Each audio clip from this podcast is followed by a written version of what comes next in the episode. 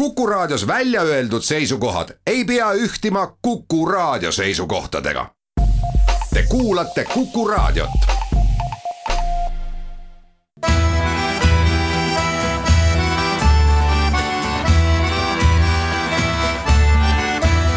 Kirillitsas Eesti tere päevast, head raadiokuulajad, eetris on Kirillitsas Eesti, saatejuhiks Pavel Ivanov ja hea meel stuudios tervitada Natalja Kitemit, tere Natalja. tere, Pavel. täna tuli uudis sellest, et äh, Venemaal kõrged ametnikud on äärmiselt nördinud selle üle, et äh, Venemaa kodanikud ei tunne mitte praktiliselt mitte ühtegi nime äh, oma rahvuskoondisest, kes esineb Tokyo olümpiamängudel kas sina tead kasvõi ühtegi nime, kes esindab Eestit Tokyo olümpiamängudel? Nii väga huvitav küsimus, kindlasti ma tean ja ma vaatan äh, näiteks äh, Nabi äh, saatus puudutab mind, vaatan, et kes siis tema asemel tuleb. aga vist oli see mm, sellise kõnksuga küsimus, konksuga küsimus, et kas üldse inimesed on huvitatud peale jalgpalli üldse seda olümpiat vaatama, et kui ma arvan, et me võime tänavale minna ja küsida inimeste käest, et millal see algab, eks ju. ma ei tea, kas inimesed teavad, et homme no e, ametlikult homme ja muuseas e, mul on hea meel tõdeda seda, et ka e, venekeelne vaataja võib sellest ka osa võtta, sellepärast et Duo seitse näitab ka otseülekannet avamistest, mida kommenteerivad ka venekeelse Postimehe töötajad, see on, see on tõesti, see on väga hea, sellepärast et näiteks kasvõi sellesama ETV Plussi praktika. spordiülekandeid venekeelse kommentaariga näidata on äh, väga edukalt äh, läinud ja peab mainima, et äh, tänu just sellistele otseülekannetele ka näiteks ETV Plussi reiting oli kasvanud.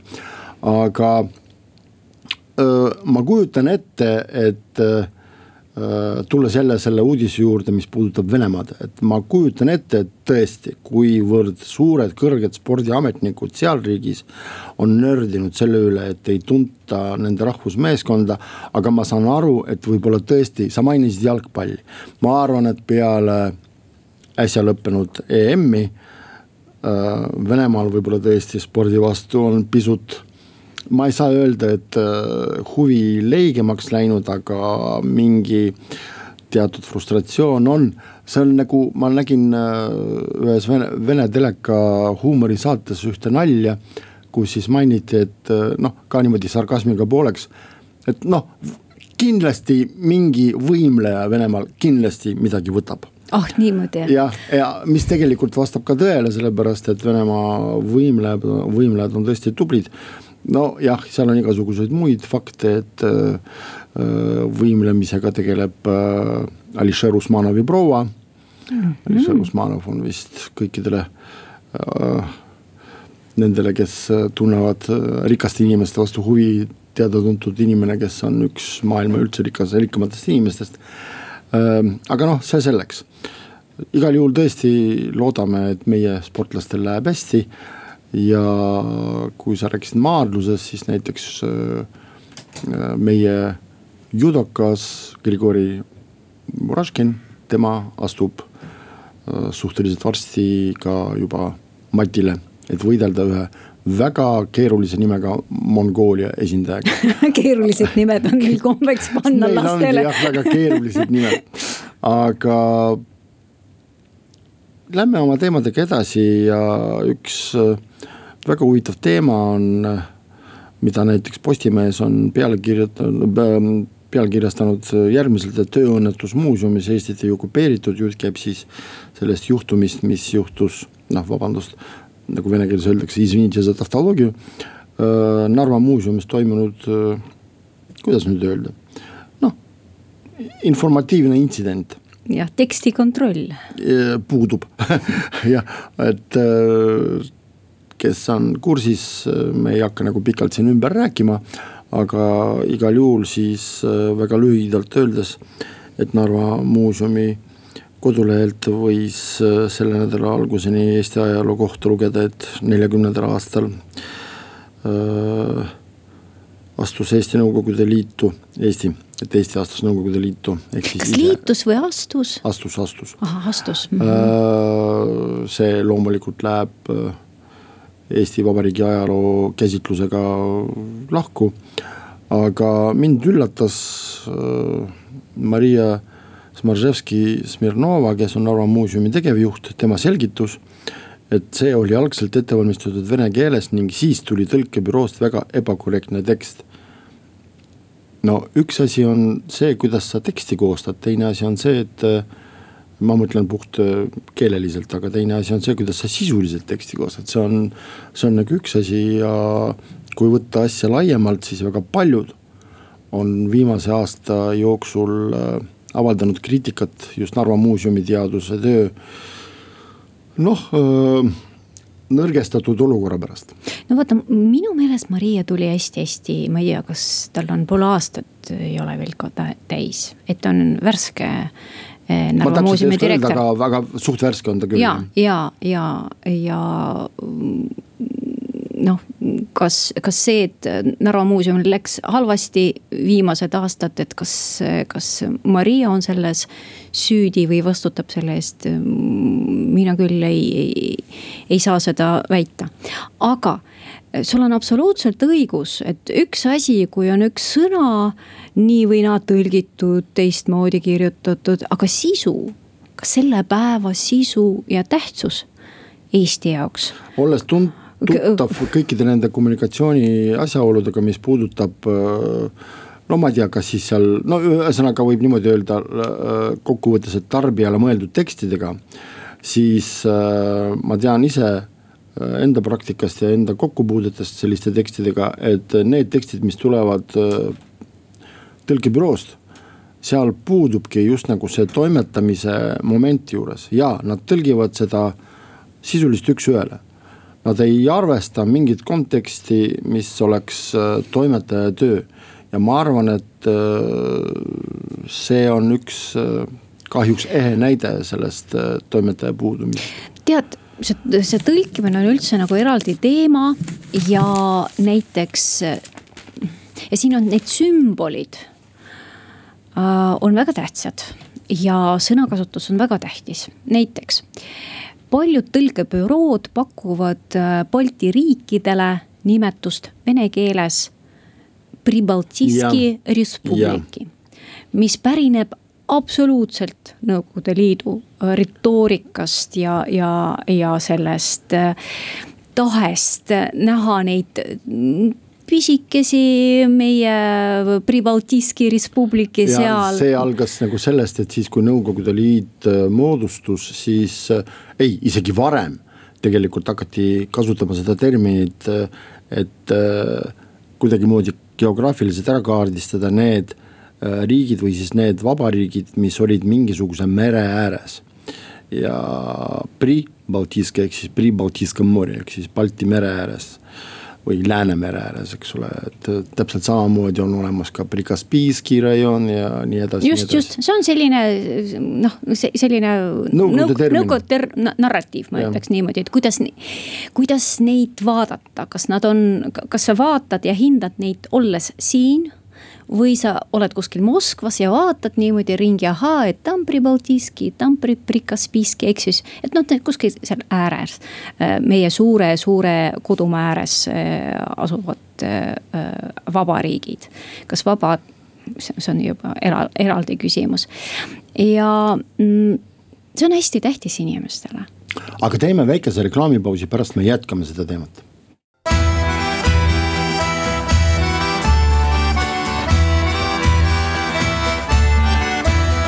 Kirillitsas Eesti.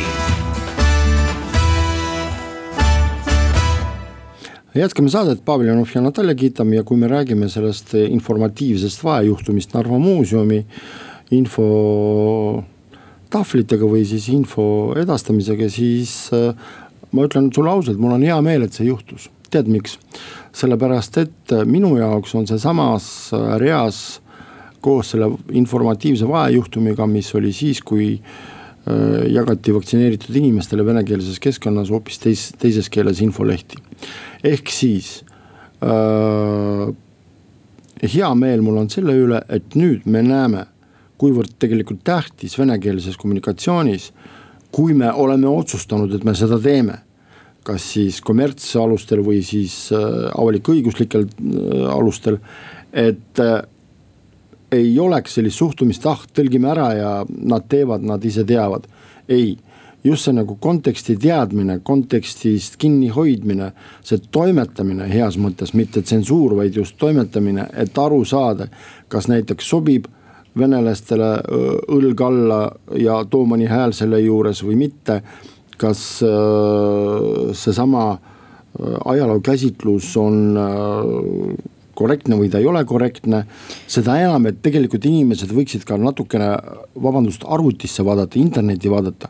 viimase kahe nädala jooksul on igal pool venekeelses, tähendab Venemaa meedias just ilmunud ajalookäsitlus Eesti kohta, kus kogu aeg meile tambitakse sisse, et neljakümnendal aastal suvel Eesti tõesti vabatahtlikult astus äh, Nõukogude Liidu rüpesse.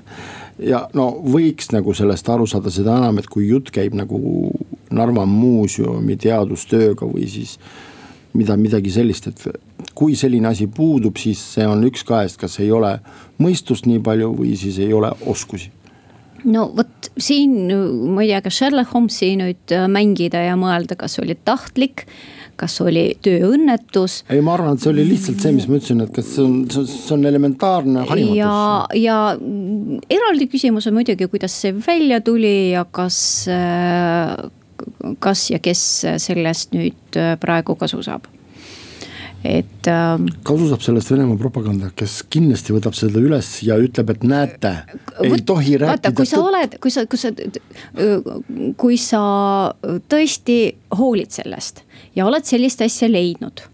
ja ei taha, et Vene, Venemaa propaganda korjaks seda üles, sa, sa teed seda otse, mitte läbi meediat, niimoodi kiirelt ja, ja otsustavalt Äh, ja ei anna tõesti sellist, sellist luksust ja, ja, ja roosamannat Vene propagandale. noh, see on minu arvamus. ja siinkohal kindlasti ma kutsuks üles ka eestikeelset meediat mitte teha üldistavaid järeldusi sellest, et näed, Narva elabki hoopis teises info ma ei tea, väljas ja käsitlebki ajalugu hoopis teistmoodi, kuidas see on äh, eestlastel kombeks ei, kahjuks või õnneks, ma arvan, et õnneks ei ole nii. Äh, ja väga kahju, kui me räägime õnneks või kahjuks, kahju on see, et sellised stereotüüpsed arvamused hakkavad levima. sellepärast, et tegu ei ole kinni inimestes, kes elavad näiteks Narvas, nad, äh, see, see, see ei puutu nendesse. mul on selline tunne, kõik sellised mm. fopaad, nad ei puutu tavainimestesse. no tead, tahaks loota aga mina ei ole kindel, et see ei puutu inimestesse, kelle, kelle minevik on otseselt seotud äh, ka selle ajaloohetkega, kus nad ei, kes, kes äh, oma eksistentsiga noh, nad, nad, nad elavad ja see, mida nad mõtlevad ja kuidas nad mõtlevad ja miks nad ei hüpanud äh, üks või teine inimene, äh, kohalik, kes on seda lugenud, ei tundnud oh,, issand jumal, see, see ei ole ju nii, eks ju. see on teine küsimus, tead mm, see, et oleks nii, nagu sa ütled, on vaja veel palju tööd teha. ma arvan, et enamus inimesi ei pööranudki sellele üldse mitte mingit tähelepanu ja mitte sellepärast, et see teema neid ei huvita, lihtsalt nad on nagu kontekstivälised äh,. ei loeta neid tekste, aga kas sa saad mulle selgitada äh, sellist fenomenaalset äh, juhtumit, miks kurikuulsa Sputniku veergudel ma leian Märt Sultsi üllistust äh, Nõukogude Liidu ajastule, kus ta kirjutab, et tema elas ENSV-s väga hästi ja lausa kaifis seda no.. ja veel lisas seda, et äh, see inimene, kes leidis, on halb, lihtsalt ei osanud äh, õigesti elada, no ma võtsin tema mõtted kokku niimoodi. Mm, on üks selline väljend, hästi populaarne, et kasulik idioot, eks ju, ja. see mõte mul oli ka hommikul siis, kui ma seda nägin. jaa, aga vaata valimised on tulekul ja iga platvorm loeb, eks ju, ja, ja võib-olla homme me kuuleme Tre raadios midagi ja, ja vaatame, et issand jumal, mõistlik inimene või on ära teinud näiteks ka kas linna või tervi-, tervikult Eesti jaoks midagi head ja ah, sa jumal küll, et kuhu ta nüüd on äh, astunud, et äh, iga inimene otsustab ja ta peab mõtlema. Ja vahelt me ei oska hinnata äh, all, alla hindame, hinname seda, mida, mida me teeme, ehk siis läheb läbi, ei ole midagi, aga lõpuks see, see äh, see tuleb väga suure pauguga ja muudab kogu elu, et praegu võib-olla ma pean silmas nüüd Mailis Repsi saatust sellest me veel kindlasti jõuame rääkida, aga sinu jutust ma saan aru, et kui näiteks vene kooli kaart äh, tänu poliitikute lollusele on äh, maha mängitud sisuliselt, sellepärast et sel teemal ei ole mitte midagi tarka mitte kellelegi öelda tavainimestele. siis ma saan aru, et NSV kaart hakkab ruulima või, sellepärast et tegu on inimliku nostalgiaga või? vot ma ei tea, mul on nii raske sel teemal rääkida, siis mul seda nostalgiat ei ole.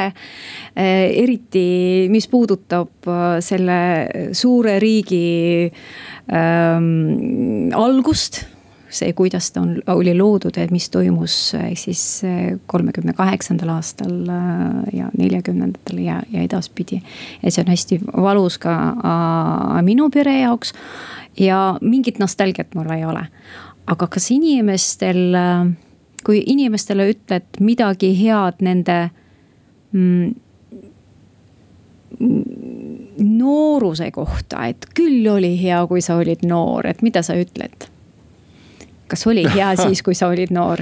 nojah, see on. ja paraku on meil põlvkondi, kelle noorus oligi nõukogude ajal ja ma arvan, et see ei ole ainult venelaste põlvkonnad, need on eestlaste põlvkonnad, sa juba mainisid Sultsi, eks ju et küll oli hea siis, kui ma olin noor, eks ju, ja, ja, ja kõik oli nii, nii tore ja jäätis oli nii maitsev, et kõik, kõik see. ja kindlasti uudised on ka huvitavad, sellepärast et me kuulame neid ära ja pärast jätkame taas.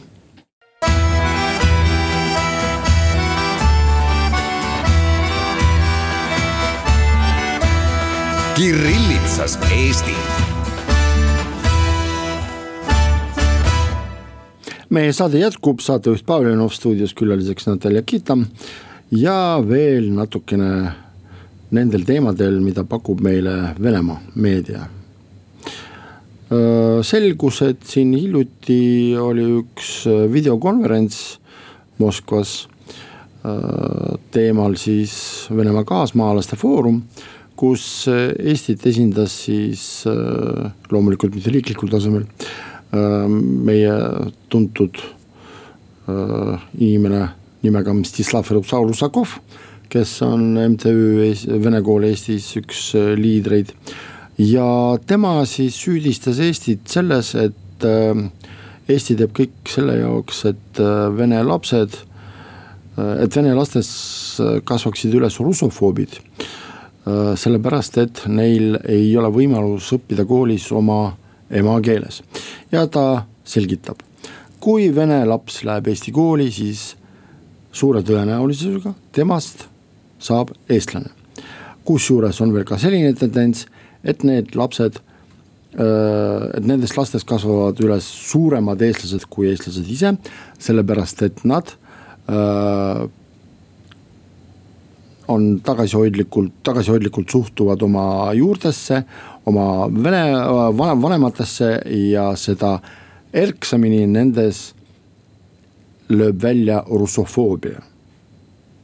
Mm -hmm.. vot sa oled nende kooli temaatikaga kursis ja sa tead ka igasuguseid uuringuid, ähm, mis räägivad sellest, millises atmosfääris siis ka vene lapsed Eesti koolis elavad. kas tõesti asjad on nii hullud no,? et me kasvatame russofoobe sa mõtled Eesti kooli, Eesti koolis laps äh, kasvab russofoobiks? just vene laps. Vene laps nagu eranditult, eks ju ah,. No siin on kohe mitu asja, kus mm., kus komistatakse ju kohe, eks ju. et äh, läheb eesti kooli, õpib eesti keeles, unustab vene keele ära. unustab oma vanemaid ja juuri. E, kohe unustab ära, eks ju. või siis vähemalt häbeneb neid äh,. häbeneb, vaata, on selliseid juhtumeid küll, selles noh, me, me ei saa ju eitada, on küll ja see ei ole mingi Eesti eripära et äh, teisest rahvusest äh, pered kolivad, immigreeruvad, nende lapsed lähevad koolidesse. ja kõik need äh, asjad, mida sa nimetasid, eks ju, noh välja arvatud russofoobia või foobiaks, eks ju. et see ilmneb ka tõesti probleemiks, selle asja probleemiks järgmises põlvkonnas on see, et see kolmas põlvkond või siis, kui nad, nemad kasvavad, need nii-öelda Äh, oma kodumaa mitte tuntu, tuntavad või siis eitavad äh, need noored. et seal edasi tuleb see, mis äh, juhtub ja, ja toimub Prantsusmaal näiteks, et see on kolmanda põlvkonna immigrantide siis kolmas põlvkond, kes, kes protesteerib, sest Nad ei ole rahul sellega, selle eluga, mis neil on seal Prantsusmaal. ehk siis äh, niimoodi üldistuda mina küll ei, ei, ei laseks ja see ei ole võimalik see hästi palju sõltub perest jällegi, hästi palju, kui pere ei räägi, kui pere ei ole uhke, kui pere ei oska nii-öelda, siis loota, et nüüd. vaata, see ongi nii, et vene, vene inimene hästi palju loodab kooli peale, et kool kasvatab, õpetab kasvatab patrioodi, teeb põhimõtteliselt kõike et mina olen äh, last sünnitanud, nii palju siis äh, kasvatanud, et ta läheks kooli, noh, tegelikult juba lasteaiast. ja kogu vastutus on seal. põhimõtteliselt, kui laps läheb Eesti kooli, see töö, et need juured äh, alles jätta ja, ja, ja see kodumaa vastu seda armastust hoida ja, ja kõik jääb vanemate peal. ja kui nad seda ei tee ja loodavad, et keegi teine seda teeb, siis muidugi juhtub nii nagu äh, Russakov äh, ütles. et tegelikult, kui ta niimoodi arvab, siis ta ise arvab, et äh, venekeelsed vanemad ei oska seda teha, ei oska seda hoida ja, ja loodavad ainult kooli peale. Ja kui kool on venekeelne, siis ta seda teeb. Ja kui ta on eesti kool, siis ta seda ei tee. äkki siin see jookseb, see piir? ja sul võib-olla on õigus. Ühest küljest võib-olla tõesti ta kardab seda, et ma mõtlen, Rusakov võib-olla kardab seda, et äh, see, mida sa kirjeldasid, võib tõesti reaalses elus juhtuda samas ma arvan, et ta kardab ka seda, et see, äh, tähendab, ta andis selle vene kooli eest võitlemisele uue pöörde tegelikult. sellepärast, et üks asi on see, et kui lihtsalt pannakse koolid kinni. aga teine asi on see, et kui inimesed äh, väidavad äh, ja seda kuulab terve maailm, et meie riik kasvatab üles russofoobe tuletan meelde, et foobia on hirm. et mis noh, meil on see russov, tähendab mitte meil, vaid äh, teatud ringkondades on selle russofoobia sõna kasutamine läinud täiesti absurdseks. seda kasutatakse igal pool äh, ja igas äh, ebasobilikus kontekstis ja kõik seda määritakse russofoobiaks ka. oota, aga see on ju väga lihtne välja selgitada. teeme samm tagasi, eks praegu õpivad vene lapsed Eesti koolides, aga uurige välja, aga uurige välja, kuidas nad suhtuvad, mida nad teevad ja, ja. on nad russofoobid? on nad russofoobid või hoopis, ma ei tea, mida nad kardavad.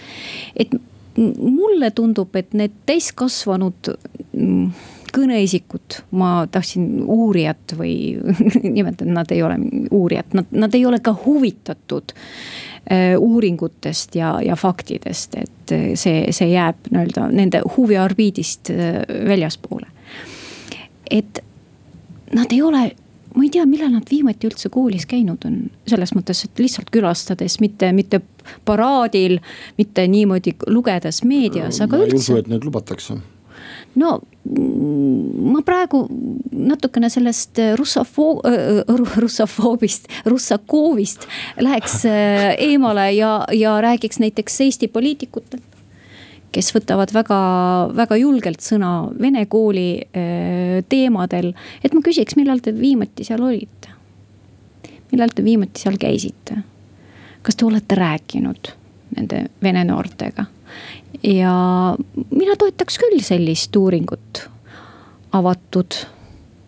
huvitav on teada, milliseid neid äh, Äh, neid vaateid neil on ja kes siis need hindab, et pigem meie uurime ja meie hindame, mitte et äh, keegi lihtsalt midagi oletab ja arvab.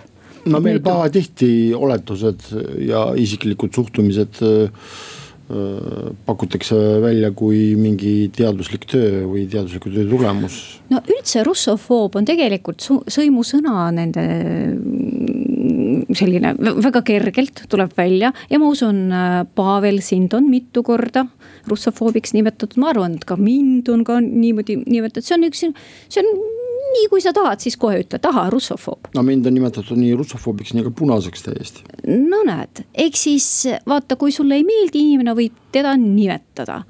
ja, ja ongi kõik, eks ju, kui sa, kui see on, see on sümbolite sõda, nii nagu selle Narva muuseumiga aga siinkohal teeme sümboolse reklaampausi, pärast jätkame.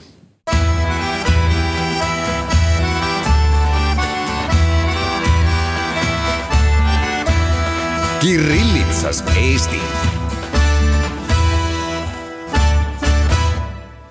jätkame saadet stuudios Pavel Ivanov ja Natalja Kita.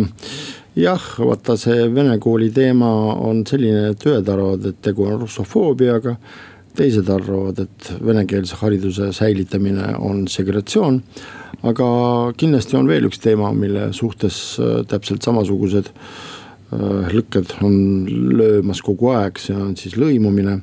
Ja sel nädalal me saime teada, et äh, näiteks need inimesed, kes on pagenud Süüriast ja kes on sattunud Eestisse ei ole niivõrd happy'd, selgus, et nendega vist väidetavalt mitte keegi ei tegele ja viie aasta jooksul nendega tegelemine ei ole mitte kuhugi jõudnud. ma panin tähele, et venekeelses meedias seda materjali ei olnud ja kommentaare ka ei olnud ja ma sain aru, miks. Kui sa hakkad nagu kohalikele venelastele pakkuma seda uudist sellest või siis seda materjali, siis kindlasti äh, domineeriv äh, reaktsioon sellele oleks selline, et no näete, meiega ei suudeta hakkama saada mis me siis Süüria inimestest räägime? sa vist väga valesti said aru meedia sisust, et hoopis okay. olekski vaja kui, kui keegi tahab clickbait'i, siis oleks see täitsa, täitsa kohane. kusjuures ka Eesti Ekspressi äh, veebis oli üle viiesaja kommentaari selle, selle uudise juures, ehk siis ütleme niimoodi, et ta ei ole mitte ainult venelastele äh, selline ärritav Ei, teema, aga eestlastele kindlasti samuti. aga milles siis asi on, kas tõesti pole nendega tegelenud või ei oska? või on mingid muud põhjused või me ei peakski üldse sellega tegelema äh,? alustame sellest, et meil on Euroopa Liit ja need Süüria põgenikud tulid siia mitte oma valikul et see hajutatud äh,, hajutamise protsess oli puudutanud ka Eestit ja muidugi nendega oli räägitud seal kohapeal, ma ei tea, kas Kreeka nende põgenikulaagri, põgenike laagris või kus. et kirjeldati, mis see Eesti on ja kuidas on. aga ega selliste põgenike jaoks äh,, araabiakeelsetele põgenike jaoks Eesti ei ole kõige parem koht elamiseks, lihtsalt objektiivselt, objektiivselt, siin ei ole kogukonda äh,. kes toetaks niivõrd, et näiteks noh, kasvõi halal toit, eks ju, ehk siis äh, moslemitele mõeldud toit, et äh, kui, kui see oleks äh, olemas, kui, kui see kogukond saaks mingit kooselu pidada. samas ma tean, et need, kes tulevad ja kes tahavad sellest äh, põrgust lahti saada, mida kindlasti, mis oli neil seal Süürias et võib-olla nad ei taha eriti ka omavahel suhelda, see, mida nad tahavad, kasvõi mõneks ajaks rahulik elu ja võimalus äh, elada nii, nagu nad tahavad ja minu meelest äh, mul praegu täpselt neid andmeid pole, aga suurem osa neist lihtsalt Eestist lahkus. lahkus kas Saksamaale või Rootsi, ehk siis Eesti oli nende jaoks vahepunkt, sest seal on juba õde, vend, ema, tädi ja nemad no, juba seal elavad. seda enam, miks me peaks tegelema nende inimestega, kes ei soovi Nii, juba algselt ja, siin mul, mul väga, integreeruda. ja, ja jällegi tuleme tagasi sellepärast, et Saksamaa nii palju enam ametlikult ei võta vastu ja Eesti on lubanud äh, Euroopa Liidus, et jah, me, me võtame teilt raha, see on äh, AMIF ehk siis Asylum Migration Foundation. me võtame see raha ja tegeleme nendega, need on mingi kahesaja ringis, kes oleks pidanud äh, siia Eestisse tulema. ja kahjuks äh, me näeme, et see ei andnud suurt tulemust.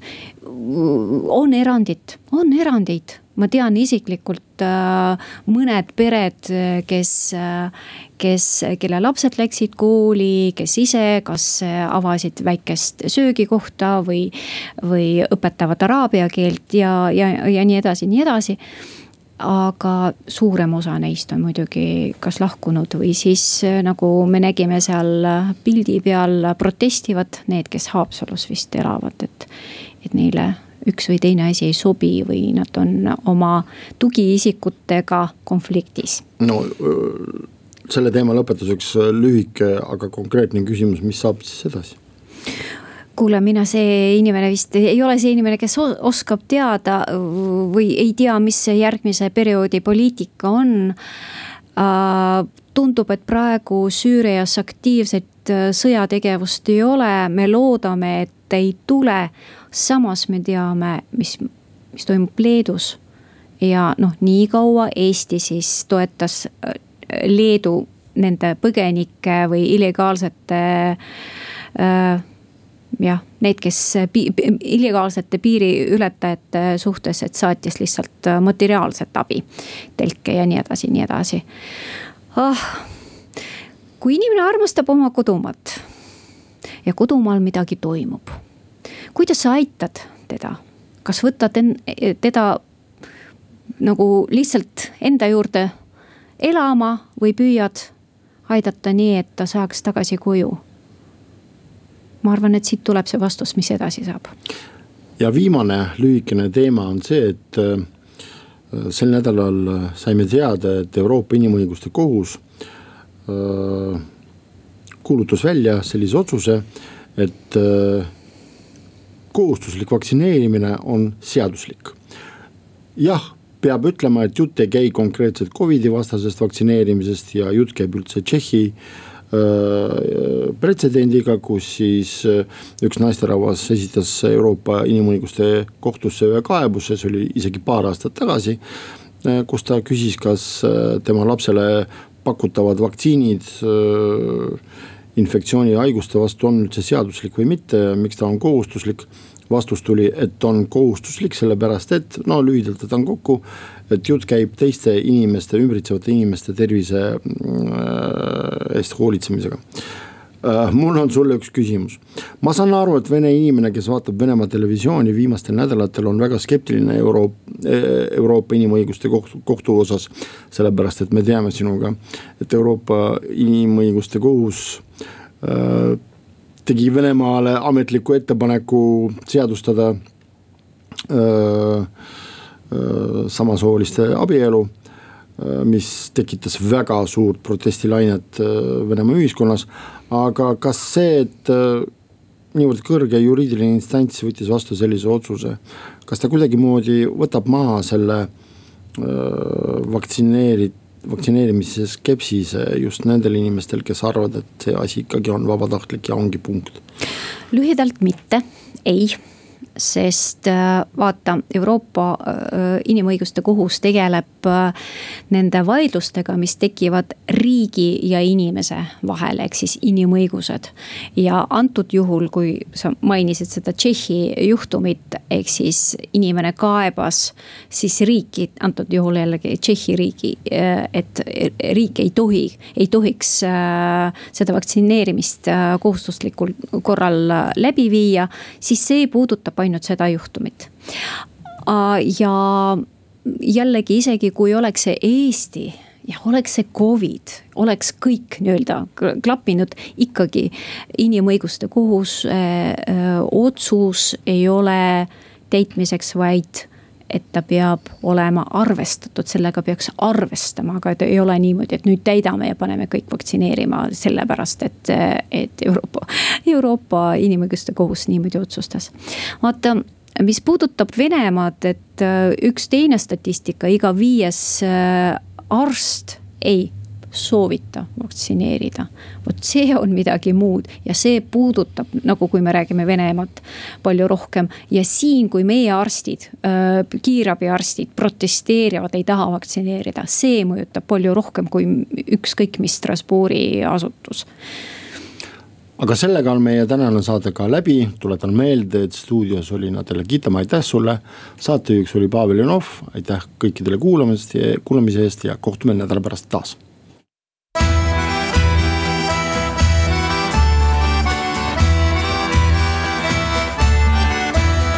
Kirillitsas Eesti